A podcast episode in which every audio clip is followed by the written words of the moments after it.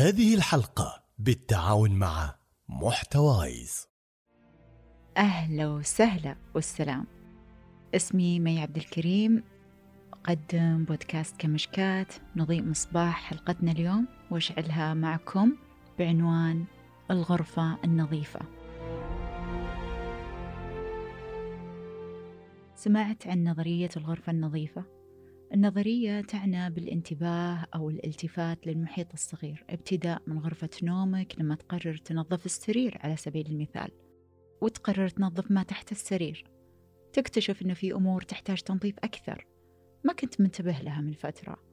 تنتقل لتسريحة عطورك خزانة ملابسك إلى الكنبة وتتفنن في تنظيم وترتيب كل أدراجك. بعدها يبدأ عندك الانشغال. بتغيير وتنظيف الأمور الأكبر خارج نطاق غرفتك ومحيط مساحتها. في غرف المنزل بالتوالي.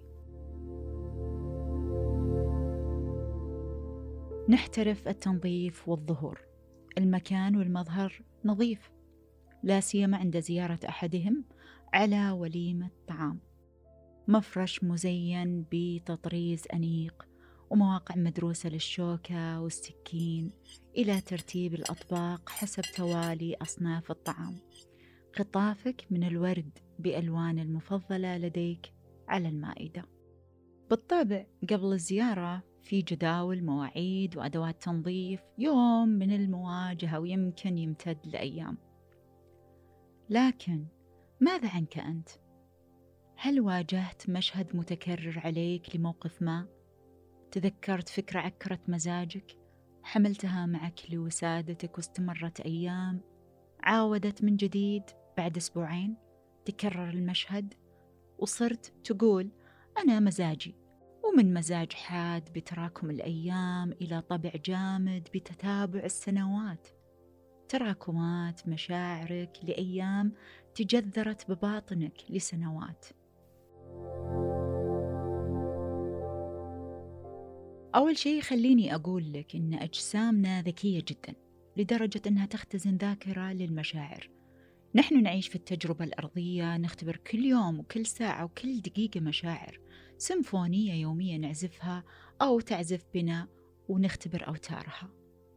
فهذا مكان خلف من وراه مشاعر وتجربة أوجدت من خلالها شعور أمومتك وأول تجربة إنجاب. صوت المطر أو صوت معزوفتك المفضلة.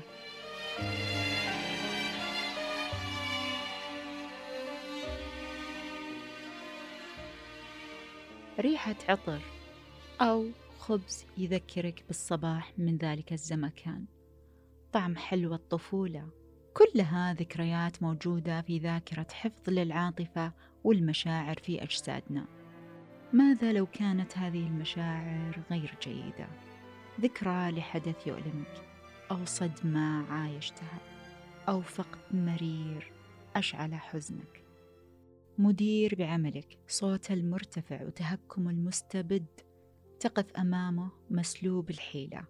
وتدفن شعورك بأغوار نفسك. وتخفي فراغك بعدد لا بأس به من المنبهات الخارجية. هروب من الشعور الذي توالد للحظة. فقررت أن تصمته على أمل أن يتوارى. بهذه الصورة طوال أشهر ويمكن سنين غير أن الناجي من الصدمات النفسية تظهر عليه الأعراض وليس الذكريات. من نوبات هلع أرق فقدان اهتمام اكتئاب أو ضياع هوية وقلة تركيز أو حتى اضطرابات في الشهية.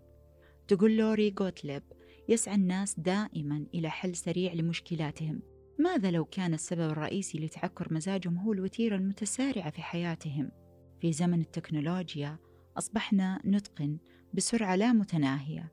تبديل عواطفنا عدة مرات بغضون لحظات. متوتر متضايق تتصفح رسالة أو ترسل تغريدة. أخبار تشوف مسرحية أو فيلم. تصرفنا بسهولة عن مشاعر مزعجة. لأن النظر لها مسألة غير مريحة بصراحة.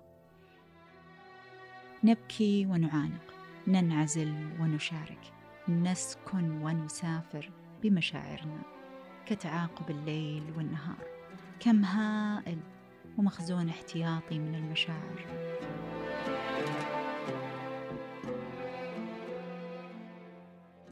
بعد تنظيف الغرفة بتجد فيها فراغ بس الفراغ له ميزان. لذلك يقول جورد بيترسون إن القرن الواحد وعشرين اللي عايشين فيه حاليا هو عصر التشتت بلا منازع. فإما أن تنشغل بأي شيء مهما كان تافه أو سيسحقك العدم ويسحقك الفراغ. بتبدأ تعلى عندك الرغبة بالتفكير بكل شيء كل موقف كل حدث بطريقة مبالغ فيها. لأن فراغك وعدم انشغالك قادك إلى هذه المصيدة وهو فخ عديم الجدوى. للوهلة الأولى عند سماعك كلمة فراغ. يتبادر لذهنك شخص عاطل عن العمل لكن عاطل يعني معطل حياته بانتظار شيء لا يعيش معنا في حياته. فمن الطبيعي إنك تجد شخص أصلا بدون وظيفة معينة ولكن جدا منشغل بنفسه وتطويرها والسعي للعطاء والعيش بمعنى. ببساطة إذا ما انشغلت بنفسك أشغلتك الناس. بالضبط مثل نظرية الغرفة النظيفة. بعد ما انتهيت من مساحتها الصغيرة انتقلت للأكبر والأكبر. فكبر مساحتك بدل ما ننشغل بآراء الآخرين ومحطات وصولهم. على طاري محطات الوصول. في جملة نرددها دائما فيما بيننا. وتعب ناس نفسيا بشكل ما تتخيلونه. قطار الحياة قاعد يمضي وأنت ما سويت شيء. واللي يقول لكم إن قطار الحياة هذا ثابت؟ ما يتحرك.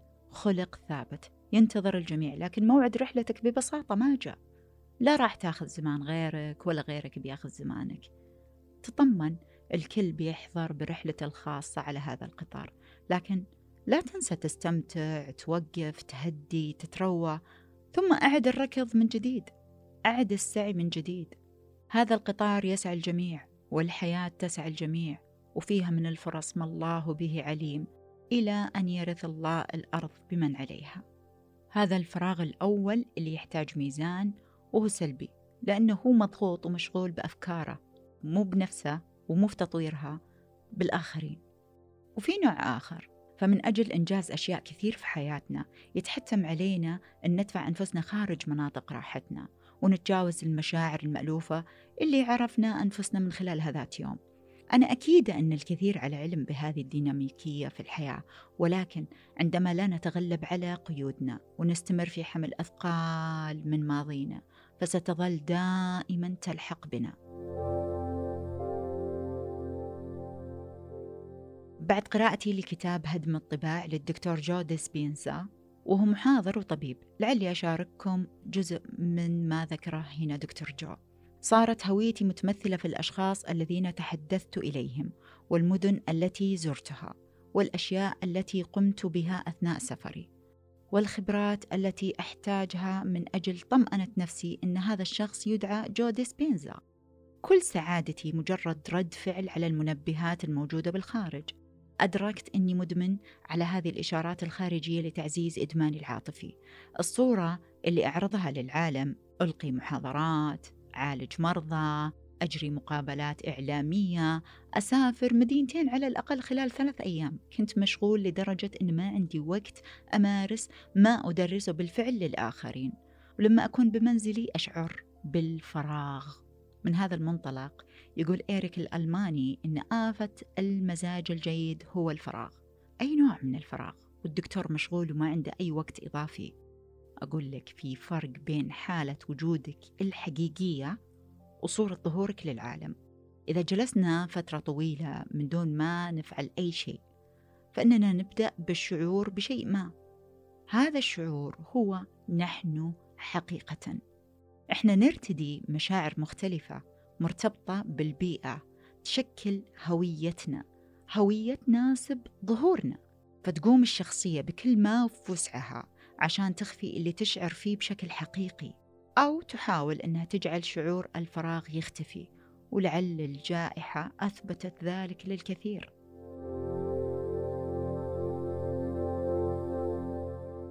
أنقل عن عبيد الظاهري يقول أن جزء من أزمة الإنسان اليوم هي عجلته في تحقيق كل شيء والعيش في ضغط نفسي رهيب خشية التأخر وهذا نمط مرهق جدا لا يعالجه إلا التؤدة المتزنة يعني التروي والتمهل. ولأن الزمن سريع متسارع جدا هو صحي لحد ما يعطي دافع للسعي أكثر وراء اقتناص الفرص وراء تحقيق الأحلام الأهداف وراء البحث عن حياة هانئة كريمة مستقرة وراء الغنى والثروة. بحثا عن مكانة ونفوذ ووصول هو ميزة للعمل وإعمار الأرض. لكن متى يتحول لأزمة فعلية لا تبشر بخير. لا يأتي بعدها إلا اكتئاب حاد أو أمراض عضوية. متى يتحول لكارثة إذا لم تتوقف وتتأنى وتراقب وتتنفس وتنظف مشاعرك. هذا نوع من الفراغ السلبي إنه يكون مشغول بالهوية الشخصية ركض مستمر بدون تأني. في أيضا نوع من الفراغ العاطفي. وشو أزمة منتصف العمر؟ هي أزمة مشاعرية. لما تكون شخصية الإنسان مكتملة تقريبا بحيث نكون شهدنا الكثير من التجارب عشان كذا إحنا نتوقع إلى حد كبير نتائج معظم التجارب. نعرف كيف هو الشعور قبل الخوض بالتجربة. ممكن نتنبأ بالمشاعر اللي بتجلبها لنا معظم الأحداث. عانينا من الخسارة وصادفنا النجاح. تنافسنا في أعمال تجارية أو استقر بنا الحال في حياة مهنية. خضنا علاقات جيدة وسيئة. نعرف ما نحب وما نكره.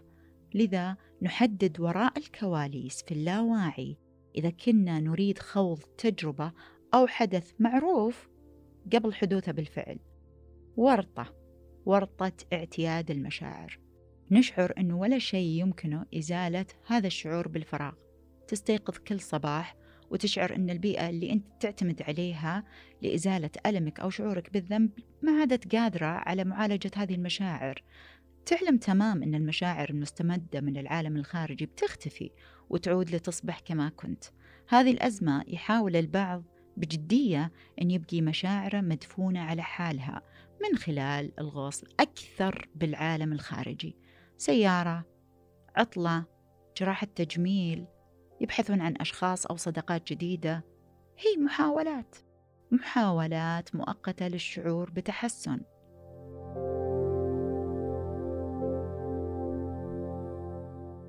طيب وين الحل؟ الحل في جانبين. التوازن ومواجهة مشاعرك. بالنسبة للتوازن هو قانون ربي خلق به الكون وجعل في تعاملاتنا والزيادة فيه أو النقصان طغيان. قال الله تعالى والسماء رفعها ووضع الميزان ألا تطغوا في الميزان وأقيموا الوزن بالقسط ولا تخسروا الميزان.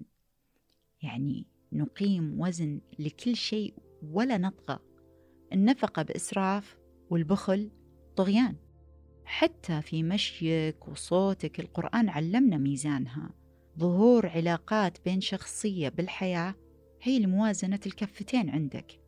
وجود فائض من المشاعر تجاه أحدهم هو تعلق فيختل عندك التوازن وأيضا النقص فيها طغيان.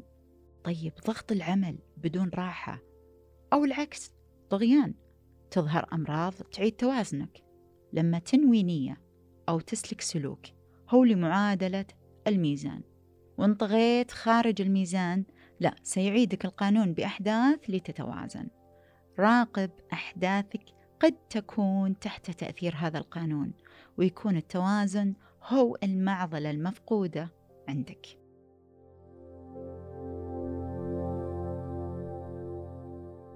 طيب المواجهة يعني كيف أواجه مشاعري؟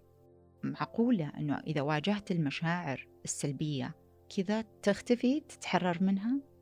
بقول لك أم موسى لما خافت على ابنها موسى أمرها ربي أن تلقيه باليم.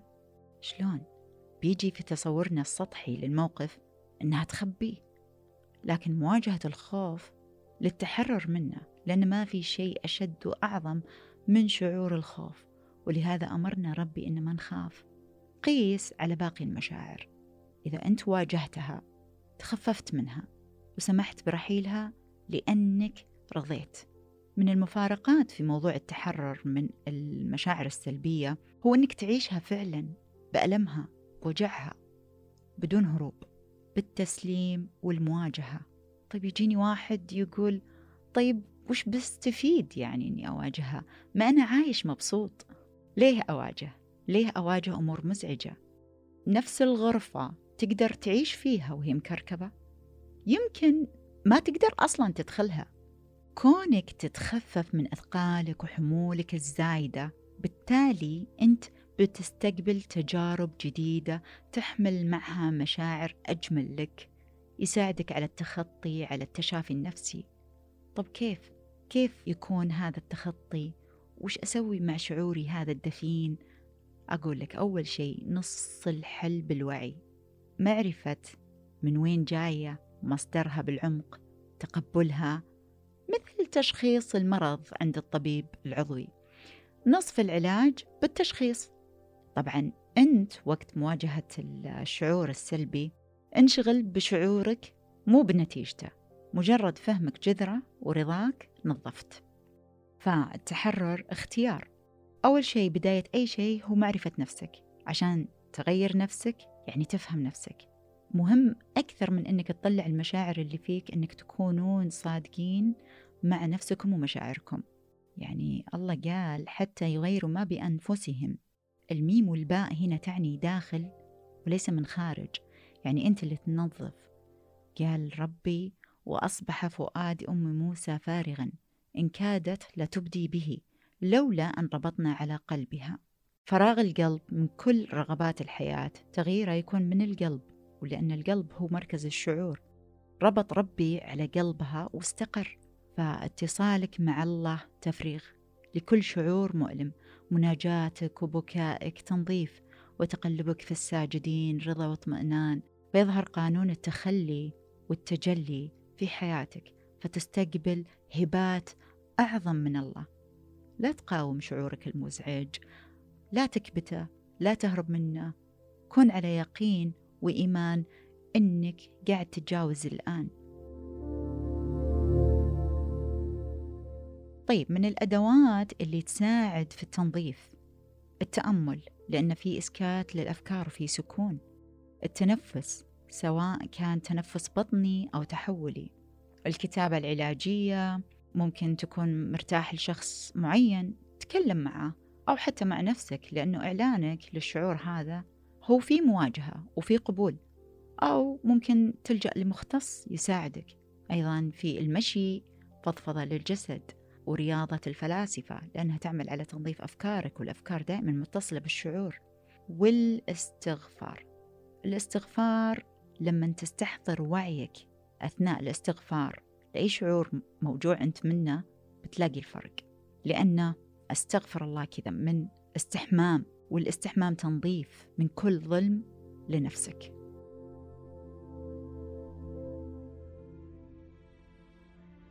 نعتني بتنظيف الغرفات وظاهرنا وتعلمنا هالشيء بشكل مترف لكن ماذا عن أرواحنا مشاعرنا اللي نحملها هل يا ترى لها مساحة رمادية في يومنا المثقل بالأفكار والمواعيد وأعمال لا نهاية؟ المحتوى ليس أقل شأن من الحاوية. لطفا كونوا أنتم واعتنوا بمشاعركم.